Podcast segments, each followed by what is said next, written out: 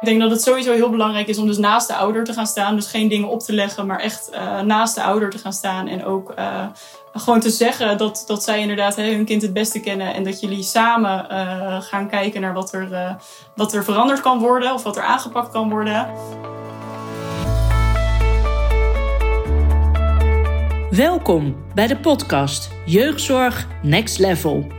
Deze nieuwe podcastserie, Zekerder met Ouders, heb ik voor jou opgenomen, zodat je met nog meer zelfvertrouwen de begeleidingstrajecten kunt uitvoeren. Samenwerken met ouders is enorm belangrijk en voor veel jeugdprofessionals een uitdaging. Met deze podcast ontvang jij tips, inzichten en ervaringsverhalen om je werk meer diepgang te geven. Veel luisterplezier! Hey, hallo, welkom en leuk dat je weer luistert naar deze podcast Zekerder met ouders. En in deze podcastaflevering ga ik Sabine interviewen. Sabine, nou, ik wilde jou gaan introduceren, maar misschien kan je beter zelf vertellen. Wie is Sabine? Ja, ik ben, uh, ik ben dus Sabine en ik ben 24 jaar en ik werk nu bijna vijf en een half jaar voor Happy Kids Care. Ja, ik ben uh, begonnen met mijn uh, studie uh, in Leiden, Universiteit Leiden. En ik heb gezinspedagogiek gedaan. En daarna ben ik forensische gezinspedagogiek als master gaan doen. en heb ik de aantekening orthopedagoog gehaald. Tijdens mijn studie ben ik op zoek gegaan naar, naar wat meer werkervaring. Dus toen heb ik hier eerst nou, een soort stage gelopen om ervaring op te doen. En uh, nou, toen ben ik eigenlijk, uh, vond ik de weekenden, de logeerweekenden, vond ik zo ontzettend leuk dat ik die uh, ben blijven doen. Dus nou ja, dat heb ik in eerste instantie gedaan. En toen ik mijn studie heb afgerond, toen ben ik hier als orthopedagoog komen werken.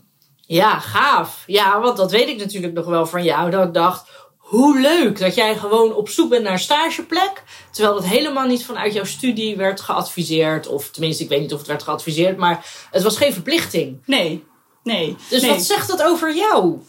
Ja, het was, inderdaad, het was inderdaad geen verplichting, nee. Dus het was, uh, nou ja, goed, het was, het, nou, de universiteit, ik vind dat het heel theoretisch is. Dus dat je heel weinig praktijkervaring uh, opdoet. Eigenlijk pas in mijn master heb ik, uh, nou ja, een jaar stage moeten lopen.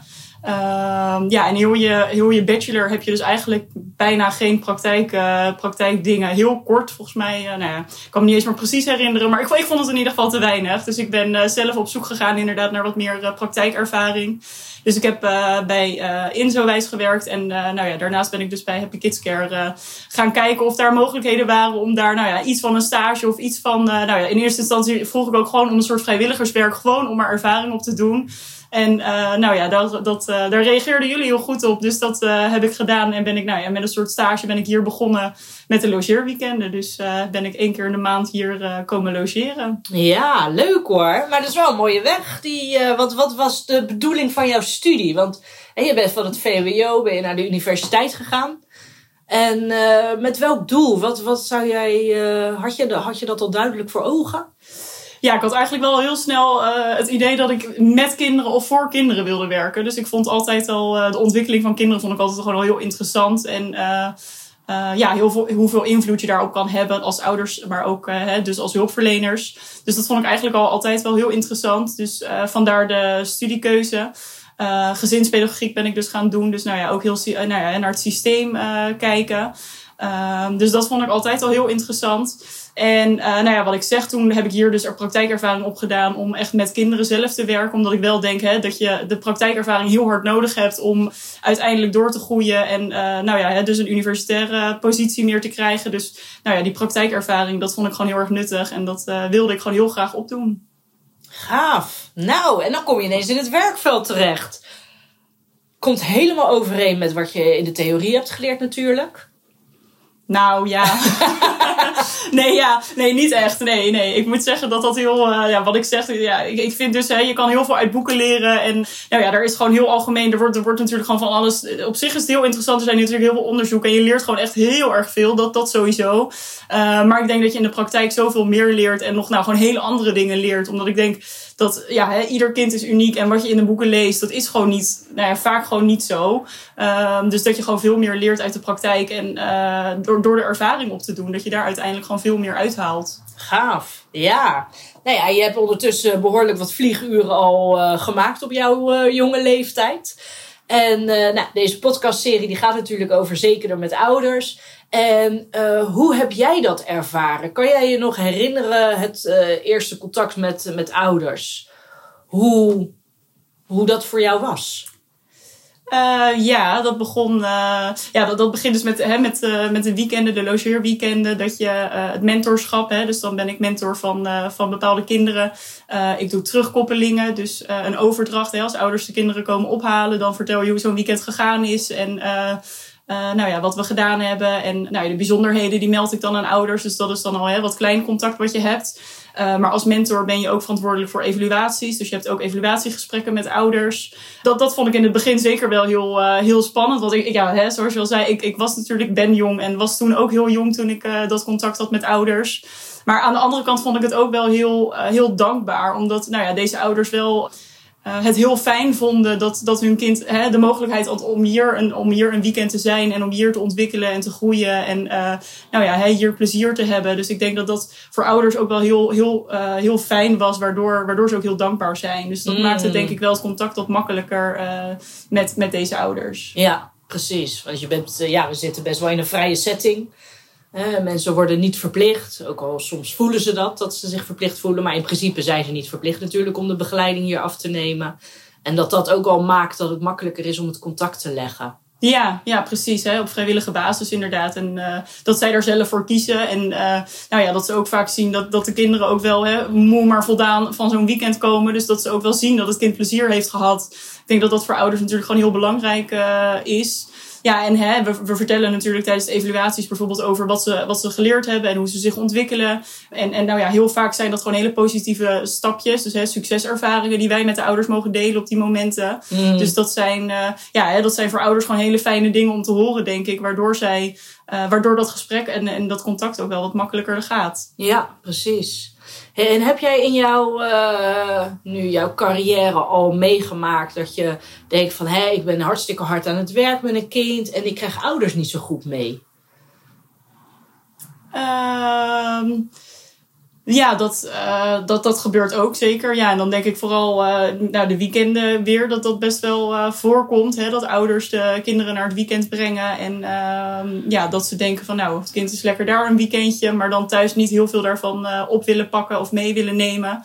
Ehm, dus dat maken we best wel mee. Uh, nou ja, daar hebben we de laatste tijd ook best wel veel aandacht aan besteed. Hè? Dat we ook een soort uh, thuiswerkbladen meegeven aan ouders over de sociale vaardigheid die we, die we dan gegeven hebben. Maar ook dat we veel meer bespreken met ouders. Dus dat we ook zelf tips en handvatten thuis geven die ze thuis ook weer door kunnen zetten. Of uh, dat we aangeven, hè, dit heeft gewerkt voor dit kind. Uh, probeer dat thuis ook eens. Weet je wel, dat je ze ook mm. gewoon echt iets bij kan brengen. En dat zij dat in de thuissituatie ook zo kunnen, kunnen gebruiken. Ja, ja. Nou, inderdaad. En uh, want nou, je gaf net al aan een beetje hoe je ouders betrekt. Want waarom is het belangrijk, vind jij, om ouders te betrekken in begeleidingssituaties? Omdat ik denk dat je bij, uh, ja, bij het kind heel veel verandering kan, kan brengen, hè, teweeg kan brengen. Maar dat het net zo belangrijk is dat ouders ook die verandering doorgaan. Omdat hè, het, het is uiteindelijk een systeem. En uh, nou ja, die bepaalde patronen die zitten er gewoon in het hele systeem. En het is hè, ouders en kinderen. Dus, dus hè, als er iets verandert bij het kind, dan moet er ook iets mee, mee bewegen, mee veranderen bij, uh, bij de ouders, dus bij het systeem. Mm. Uh, en daar heb je ouders voor nodig om, om zo'n verandering teweeg te brengen. En niet alleen de kinderen. Dus je kan sleutelen aan kinderen wat je maar wil. En de kinderen dingen bijleren. Maar uiteindelijk is het net zo belangrijk dat ouders ook, ook meebewegen. En nou ja, tools en handvatten krijgen om Um, om iets te doen in die patronen en uh, om, om met het kind ook uh, aan de slag te gaan. Ja, maar ja, ik kan me ook best voorstellen dat het voor ouders best wel spannend is. Hè, om, hun, uh, om zichzelf open en bloot te stellen aan, aan de veranderingen. misschien dat ze ook het gevoel hebben van ik doe het niet goed of ik word terecht gewezen. Of dat ze ja, gewoon ook daar wel angstig in zijn. Hoe ga jij daarmee om?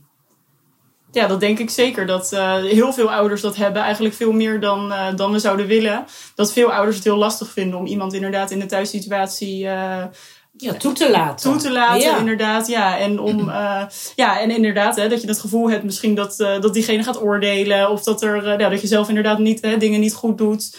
Ehm, dus ik denk dat dat heel vaak zo is. En uh, nou, daarvoor is het denk ik heel belangrijk om naast de ouder te gaan staan. Hè? Dus je wil ze niet een lesje leren, je wil ze niet vertellen wat ze moeten doen. Maar heel erg met, met de ouders gaan kijken van hè, wat, wat, wat kunnen we nou met elkaar bereiken hier? Hè? Wat kan er nou nog veranderen en hoe kunnen we dat met elkaar voor elkaar gaan krijgen? Uh, en daar heb je dus het hele systeem uh, voor nodig. Mm. Um, ja, daarnaast zeg ik ook eigenlijk altijd van, hè, jullie kennen je kind het beste. Ik bedoel, ik, ik kan, hè, alle, nou wat ik zeg, hè, autisme, ADHD, ieder kind is uiteindelijk uniek. Dus hè, wij hebben theoretisch, uh, theoretische kennis, maar hè, ieder, iedere ouder kent hun kind het beste. Dus je gaat eigenlijk samen kijken naar wat er het best past en wat er voor dit gezin werkt. Ja, mooi. Dus je durft het ook eigenlijk te benoemen, je positie. Ja, ja. Door te benoemen van, hey, jullie kennen het kind goed, dus daarmee maak je ouders al een soort van expert. Want dat is natuurlijk ook zo, dat ze dat ook voelen. Je erkent de ouders om wie ze zijn.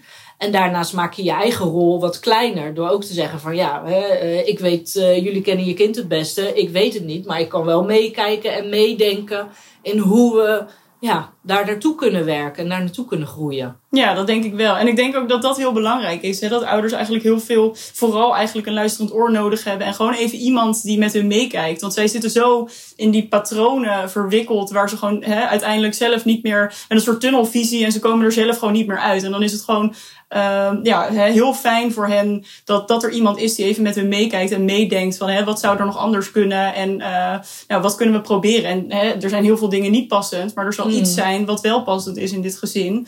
Um, en wat we dus met elkaar kunnen inzetten en kunnen proberen om te kijken van hoe maken we het dan net even iets beter of uh, iets gezelliger of iets rustiger. Of hè, vaak zijn dat een beetje de einddoelen van ouders, dat ze willen dat er meer rust, rust in het gezin komt. Of uh, nou ja, dat ze weer wat meer gezelligheid hebben of met elkaar lekker dingen kunnen ondernemen, dat soort dingen.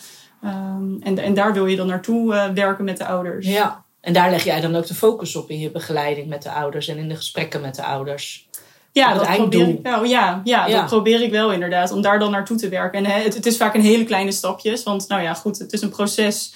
En uh, je kan niet verwachten dat het uh, morgen ineens uh, allemaal over is en beter gaat. En, dus dat is echt een proces. En je doet het in hele kleine stapjes. En ook, ook dat is weer heel belangrijk. Dat je die succeservaringen, dus die hele kleine stapjes, dat je die blijft benoemen. En dat je aangeeft dat er gewoon heel veel goed gaat. En wat er dan goed gaat. En mm. dat, je, ja, dat, je, dat je daar de focus op legt. Ja, ja. En hoe doe jij dat? Uh, even een scenario uh, dat, dat stel dat een ouder heel erg blijft hangen in het negatieve gedrag van, uh, van haar kind. En dan hebben we het even over moeders. Ja, dat is heel erg gechargeerd. Maar ja, we hebben toch vaak meer te maken met moeders dan met vaders in onze begeleidingscontacten. Hè, dat de moeder toch negatief zichzelf blijft uiten over haar kind. Hoe pak je dat op? Want dat is natuurlijk best wel ingewikkeld om nou ja, iemand daaruit te kunnen trekken. Dan zou je het liefst zeggen van hier, zet een andere bril op en uh, kijk ook naar wat er wel goed gaat. Maar ja, hoe, hoe heb jij dat aangepakt? Of hoe pak jij dat aan? Ja, ik denk dat daarbij heel belangrijk is dat je, uh, dat je een stukje psycho-educatie hebt. Dus dat je laat zien dat er altijd iets achter het gedrag zit wat het kind laat zien. Uh, dus het gedrag komt niet zomaar ergens vandaan. Dus dan ga je kijken met de ouders van waar komt dat vandaan? Hoe komt dat dan? En vaak, nou ja, bijvoorbeeld bij, bij autisme, dan komt het vaak door onduidelijkheid bijvoorbeeld. Um, en dan kunnen we naar onszelf gaan kijken. Hè. Dus hè, met de ouders ga je dan kijken van, uh, van hoe kunnen wij er dan voor zorgen dat hè, die onduidelijkheid weggenomen wordt. Dus hoe gaan we dat dan aanpakken met elkaar? En, en, en vaak verandert het gedrag daardoor. Hè. Dus wat ik zeg, als je dan eigenlijk het onderliggende probleem aanpakt, dat je daardoor ook het gedrag uh, aanpakt. Dus daar probeer ik dan met ouders naar te kijken. Een stukje psycho-educatie. Van wat gebeurt er in de hersenen, maar wat gebeurt er ook hè, met het kind zelf, qua onduidelijkheid bijvoorbeeld. Um, en wat kunnen we daar dan aan doen? Dus dan, um, en dan met de ouders bedenk ik dat. Hè. Dus ik vind het ook heel belangrijk om ouders daar zelf inspraak in uh, te laten hebben. Hè. Je moet ze niks opleggen, want dat uh, werkt averechts. Dus probeer ze vooral zelf te laten bedenken wat er nou uh, anders zou kunnen. Hè. Vaak komen ze dan zelf al met van, oh ja, daarin ben ik best onduidelijk geweest. Of, oh ja, zo'n avondritueel, ja, dat is eigenlijk helemaal niet heel, heel duidelijk voor mijn kind. Of, nou ja, zo, zo kan je het allemaal opnoemen. Gaaf. En als ze er zelf mee komen, dan merk je gewoon dat er interne motivatie ontstaat. En dat ze er dan ook echt mee aan de slag willen. Hmm. Dus eigenlijk zeg je, hè, ik zorg voor een stukje begrip. Dat ze begrijpen waar iets vandaan komt. En op dat moment kunnen de mensen het vaak accepteren. Hè, dat, oh ja, dan begrijpen ze het, hè, waar het vandaan komt. Kunnen ze het accepteren. En dan kunnen ze gaan herkennen bij zichzelf wat ze anders kunnen doen in hun communicatie. Zodat dat weg wordt gehaald. Uh, in dit geval de onduidelijkheid bij een kind. Ja, ja, dat denk ik wel. Ik denk dat dat heel belangrijk is inderdaad. Hè, dat je het gaat herkennen en uh, erkennen wat er aan de hand is. En, uh, en, en dan gaan ouders ook in andere situaties. Hè, dan kunnen ze dat veel meer uh, generaliseren. Van, oh ja, dat, dat zie ik dus ook terug in, in, in die momenten. Of hè, als we een dagje weggaan. Dat is inderdaad ook heel onduidelijk. Hè. een vakantie. Nou, het is allemaal niet ingevulde tijd. Hoe gaan we dat aanpakken? Want dat is gewoon heel veel onduidelijkheid voor een kind. Ja. Ehm, en dan merk je dat ze dat steeds meer zelf kunnen bedenken. En daar wil je natuurlijk uiteindelijk naartoe. Dat ze dat uiteindelijk allemaal zelf kunnen bedenken en kunnen aanpakken. Dus de kracht is ook eigenlijk voor jou het vragen stellen door vragen te stellen aan ouders, ja, zet je ze ook eigenlijk meer in beweging. Want jij gaat ze niet vertellen wat ze moeten doen. En nee. je gaat ze ook niet overtuigen. Mhm. Als ik jouw verhaal zo hoor. Dus dat is wel mooi. Ja, ik denk inderdaad nou, ja, een luisterend oor bieden. Want vaak als je daar in een gezin komt, dan gebeurt er al zoveel. Dus vaak merk ik dat je echt de eerste tijd kwijt bent aan heel veel luisteren. En heel veel, nou ja, de, daardoor het vertrouwen winnen. En, en dat ze hun verhaal kunnen, kwijt kunnen. Want dat uh, hebben ze vaak niet, niet gekund. Dus dat merk je dat ze daar heel veel behoefte aan hebben. En uh, ja, daarna inderdaad van, hè, dan ga je ze inzichten geven. Dus dan probeer je inderdaad hè, door middel van psycho-educatie of uh, door nou ja, praktische situaties te bespreken, dat ze dan zelf inderdaad gaan bedenken van, oh ja, hè, daar, daar kan nog iets in verbeterd worden. Dus dat is inderdaad uh, wat jij zegt, ja. Ja, gaaf hoor, knap. Hey, en wat is jouw jouw visie? Wat is jouw ideale beeld van uh, de begeleiding binnen de jeugdzorg? Ja, het ideale beeld binnen de jeugdzorg. Ja, we hebben, wij hebben het net ook kort even samen gekletst. En ik, ik denk dat dat is dat, uh, dat de jeugdzorg wat laagdrempeliger wordt. En dat, we, dat, dat eigenlijk iedereen uh, wat sneller de laagdrempelige jeugdzorg zou kunnen bereiken. Hè? En dat dat, dat er meer ouders de mogelijkheid krijgen om gewoon eventjes iemand met zich mee te laten kijken of mee te laten denken. Dus dat dat uh, wat, ja, wat makkelijker, wat uh, toegankelijker is voor veel gezinnen. Omdat ik gewoon denk dat er hè, heel veel, heel vaak patronen zijn of uh, nou ja, dingen gewoon net even niet lekker lopen. En dat er al zoveel eerder in het proces, hè, voordat het dus nou ja, misschien al helemaal misgaat. Uh, dat er gewoon iemand in het gezin kan komen en met je mee kan kijken, mee kan denken. Zodat er heel veel andere, grotere problemen voorkomen kunnen worden. Ik denk dat dat hmm. wel een hele mooie zou zijn als uh, nou ja, de jeugdzorg toegankelijker wordt en uh, laagdrempelige jeugdzorg dus wat sneller bereikt kan worden. Ja, zeker. Maar hoe zou je dat nou laagdrempelig kunnen maken, denk jij? Uh, ja, dat is, een, uh, dat is een goede vraag. Ja, dat, dat is natuurlijk ook hè, waar, wij, uh, waar wij met Happy Kids Care best wel eh, over nadenken. En nou ja, wij, wij proberen natuurlijk ook wel laagdrempelige jeugdzorg te bieden. Dus hè, met de logeerweekenden, met de ouder-kindweekenden nu. Hè, dat, dat eigenlijk iedereen welkom is. En dat, we dus, hè, dat, dat alle gezinnen naar ons toe kunnen komen. En dat wij proberen om op een, op een laagdrempelige manier, dus hè, met, door middel van plezier, maar hè, daar, daar onder ligt natuurlijk hè, heel veel werk aan doelen en uh, wat kleinere, kleinere doelen. Mm uh, op die manier proberen wij de kinderen te helpen en uh, te laten ontwikkelen, te laten leren. En ik denk dat dat heel belangrijk is. Dat er gewoon wat meer van dit soort nou ja, laagdrempelige jeugdzorg ook is. Ja. En, en dat die ook bekend zijn bij gemeenten, bij gezinnen. Ja, dus dat ze eigenlijk wat je zegt is dat er dat het ook leuk mag zijn, de begeleiding. En dat er toch nog een beetje een beeld wordt geschetst dat het heel klinisch is, hè, in een kamertje, face-to-face, de gesprekken aangaan. Maar dat dat niet hoeft. Hè, dat je dus ook in de beweging, met activiteiten, dat je daardoor ook heel veel kan bereiken.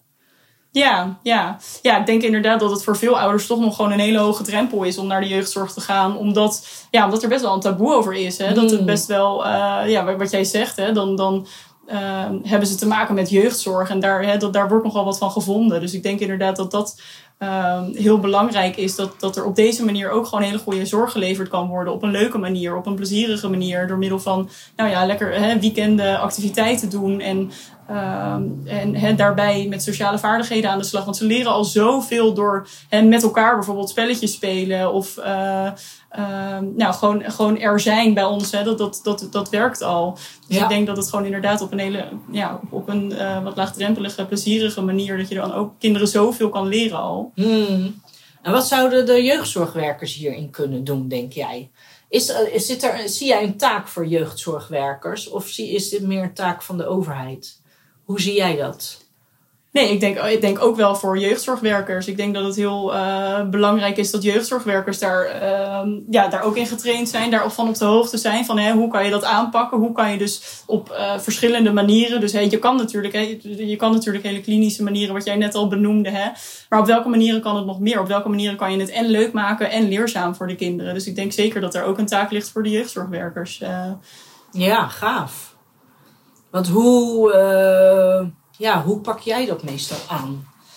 Eh, wat, voor, wat voor middelen gebruik jij in jouw uh, werk om het leuker te maken? Uh, nou, met kinderen, met kinderen inderdaad. Als ik met kinderen werk, dan doe ik bijvoorbeeld activiteiten ondernemen. Of nou, we proberen bijvoorbeeld kinderen, hè, als ik kinderen een beetje met dezelfde leeftijd heb, dat ik dan iets onderneem met, met de kinderen bij elkaar. Zodat we dan nou ja, de sociale vaardigheden weer kunnen oefenen en in kunnen zetten. Gewoon in de eh, praktijk. Ja, gewoon in dus praktijk. ja, ja, ja, precies. Dus gewoon in het doen inderdaad. Uh, ja, wat ik zeg, daar leren ze al zoveel van. Uh, en in de logeerweekenden, hè, het hoeft niet allemaal heel strak en uh, ja, hè, heel erg aan de regels. Weet je, het, is, het is gewoon heel belangrijk dat er heel veel plezier gemaakt wordt. Dat er spelletjes gespeeld worden. Dat de kinderen lekker naar buiten kunnen. Dat er, hè, we doen sportieve activiteiten. er wordt zoveel om, gedaan om het leuk te maken. En ondertussen leren ze natuurlijk ook heel veel van hun eigen doelen. Het stukje zelfbeeld komt heel vaak naar voren. Maar ook het leerdoel vriendschappen onderhouden. Hè. Dat zijn ook dingen die wel allemaal gewoon aangepakt worden, hè, waarmee we werken in de, in de mm. weekenden bijvoorbeeld. Ja, ja. Ja, en ik vergeet nooit meer dat uh, een ouder die zei dat een keer tegen mij. Dat had me zo getriggerd. Dat ze zei van ja, Judith, tuurlijk zijn mijn kinderen makkelijk bij jou nu. Want uh, hey, jij hebt geen regels. En toen dacht ik, ja, daar zit natuurlijk wel wat in. Maar pff, tuurlijk heb ik regels. Alleen ik benoem ze niet. En uh, later begreep ik ook dat het voor ouders soms best wel ingewikkeld kan zijn als een kind het goed doet. Hè, in een andere omgeving, maar thuis niet. Dat is best wel voor ouders ook uh, nou, confronterend en ook niet altijd leuk om te horen. Hoe zorg jij daarin voor een goede balans? Bij ouders bedoel je dan? Ja, naar ouders toe. Mm hoe doe jij dat? Ja, ik, ik denk zeker dat dat lastig is voor, uh, voor ouders om dat te ervaren. Hè. Maar uh, nou ja, wat, ik dan sowieso vaak zeg, want dat gebeurt gewoon heel vaak, hè, dat uh, kinderen in een omgeving wat niet hun veilige thuisbasis is, dat ze zich dan anders gedragen dan thuis.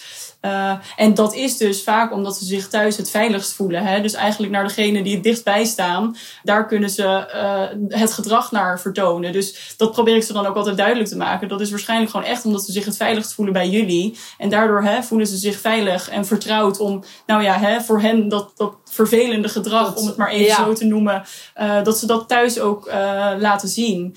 Um, en misschien is het ook omdat ze zich he, dat ze op hun tenen lopen als ze ergens anders zijn en dat het er dan thuis uit moet. Want ja, je kan je voorstellen dat je dat niet he, dagen, weken volhoudt om op, de, op je tenen te lopen. Um, en ergens moet die spanning er dan uit. En dat gebeurt dan vaak wel in de, in de thuissituatie. Mm. Hoe vervelend dat ook is voor de ouders. Ja, ja.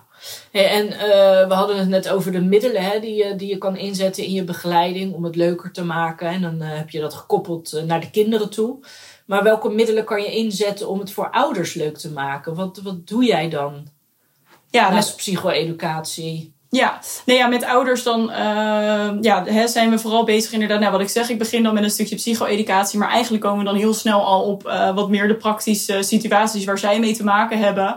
Ja, en vaak hebben ouders dan gewoon al heel veel vragen en uh, heel veel situaties. Dus die komen echt met voorbeelden. En dan bespreken we dat met elkaar aan de hand van de voorbeelden. Omdat zij dat dan echt voor ogen hebben. Hè? Omdat zij dan zien dat dat zo gebeurt het bij mijn kind. En nou ja, wat ik zeg, dat is gewoon per kind weer heel verschillend wat er dan gebeurt. En dus ook bij iedere ouder is het weer net anders hoe je daarmee omgaat en hoe je dat aanpakt.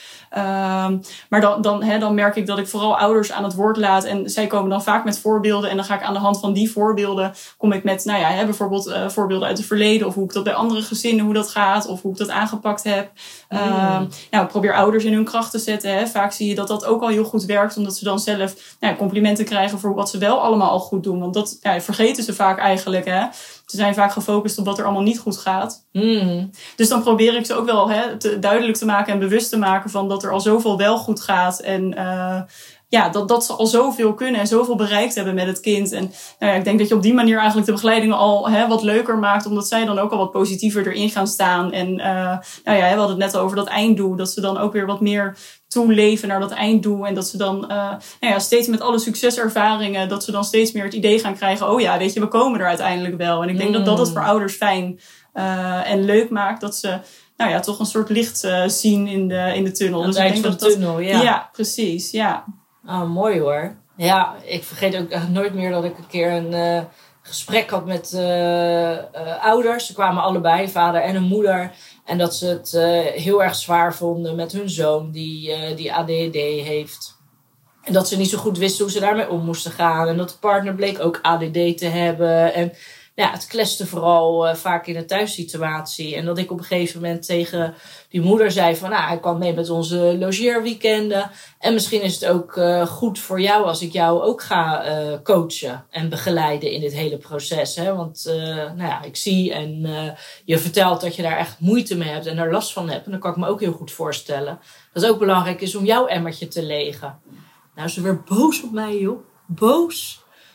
En ze deed het wel.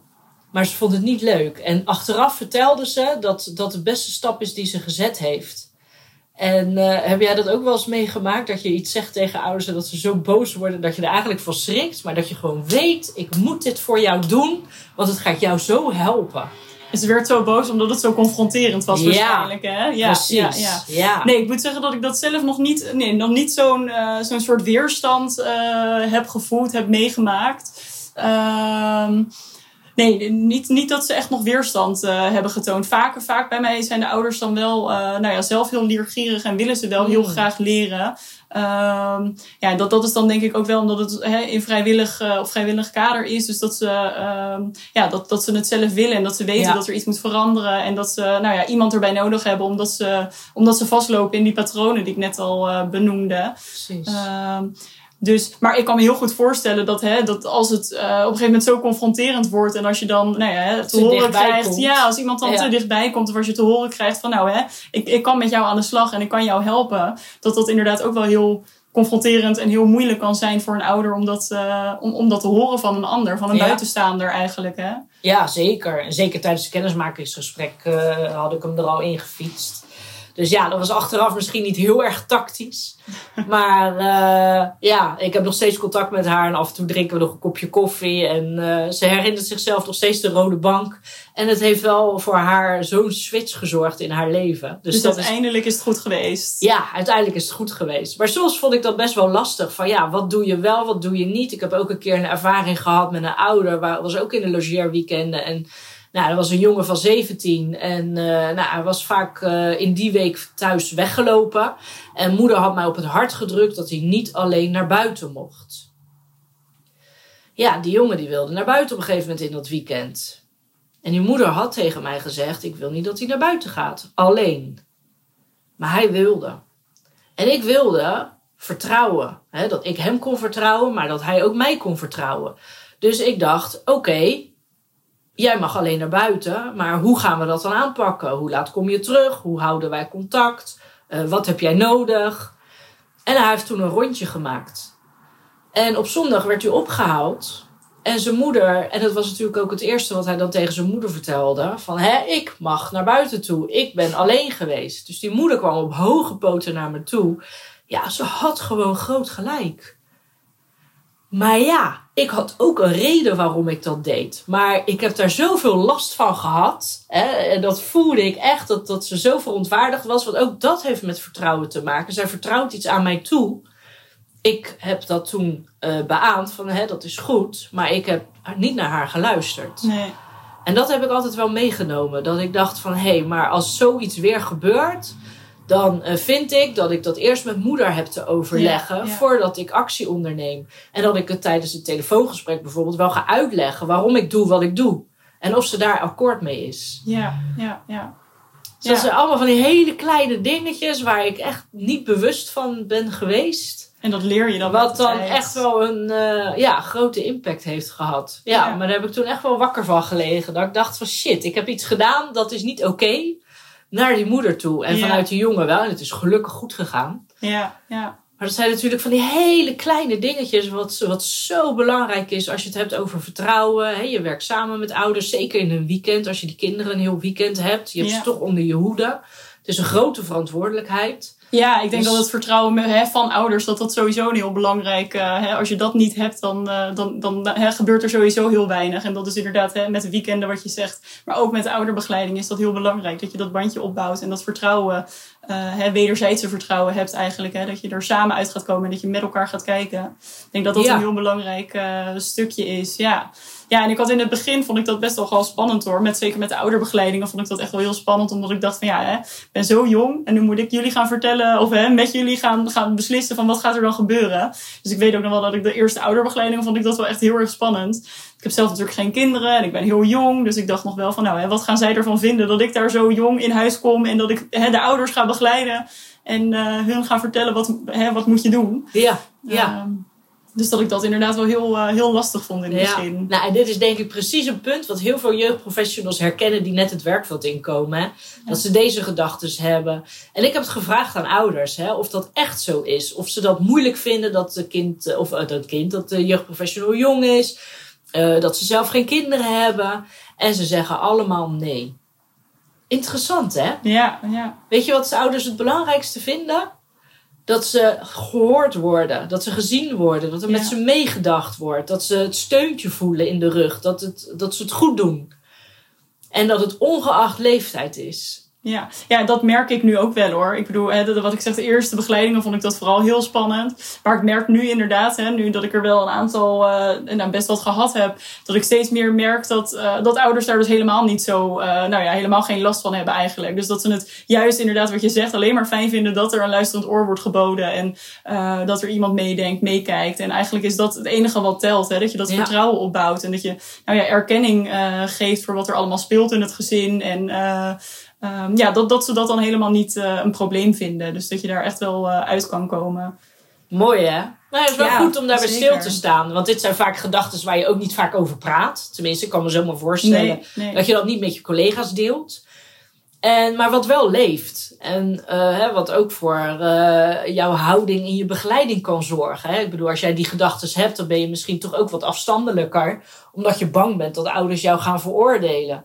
Maar ja, nu uit je het en benoem je het. En dan hoeft dat geen plek in te nemen in de begeleiding. Nee, ik denk inderdaad dat dat heel belangrijk is. Ja, dat je daar ook gewoon eerlijk en open over bent. En uh, nou ja, weet je, je kan ook niet alles weten. En ik denk dat dat ook gewoon heel belangrijk is. Van, ook al, uh, ook al nou ja, ben je theoretisch onderlegd. Ik denk dat het gewoon heel erg belangrijk is om ook te benoemen van... nou, ik weet ook niet alles. En uh, nou ja, jij kent je kind het beste. En nou ja, ik, ik de theorie misschien. En samen gaan we gewoon gaan we er een passende... Gaan, gaan we kijken wat er nodig is en wat we kunnen veranderen. Ja. ja, eigenlijk is het gewoon een soort puzzel met elkaar... waar je met elkaar aan gaat werken.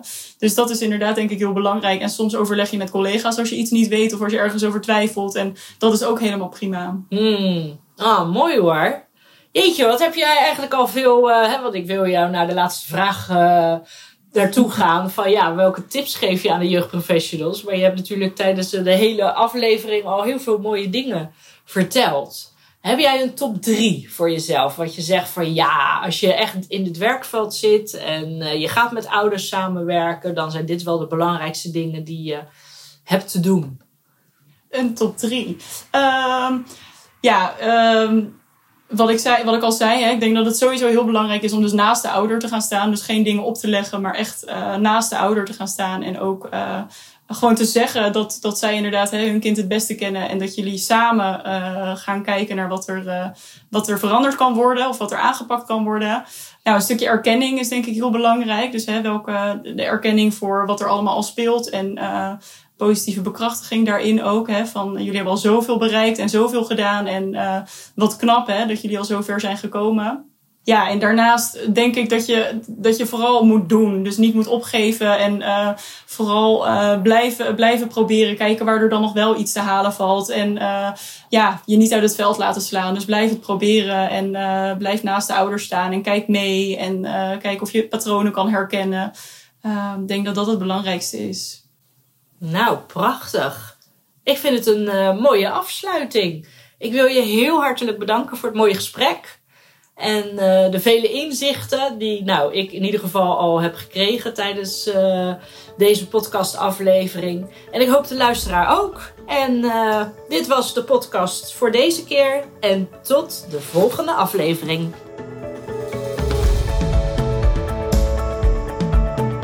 Dit is alweer het einde van deze podcast. Ben jij geïnspireerd geraakt en wil je ook groeien naar jouw next level? Kijk dan eens op de website www.hkcacademy.nl voor meer informatie over trainingen, events en de laatste nieuwtjes. Je kunt mij ook volgen via de socials, het HKC Academy, voor leuke tips en ideeën, zodat jij je klanten naar de next level kunt begeleiden. Ik zie je snel bij een training, event of via de socials.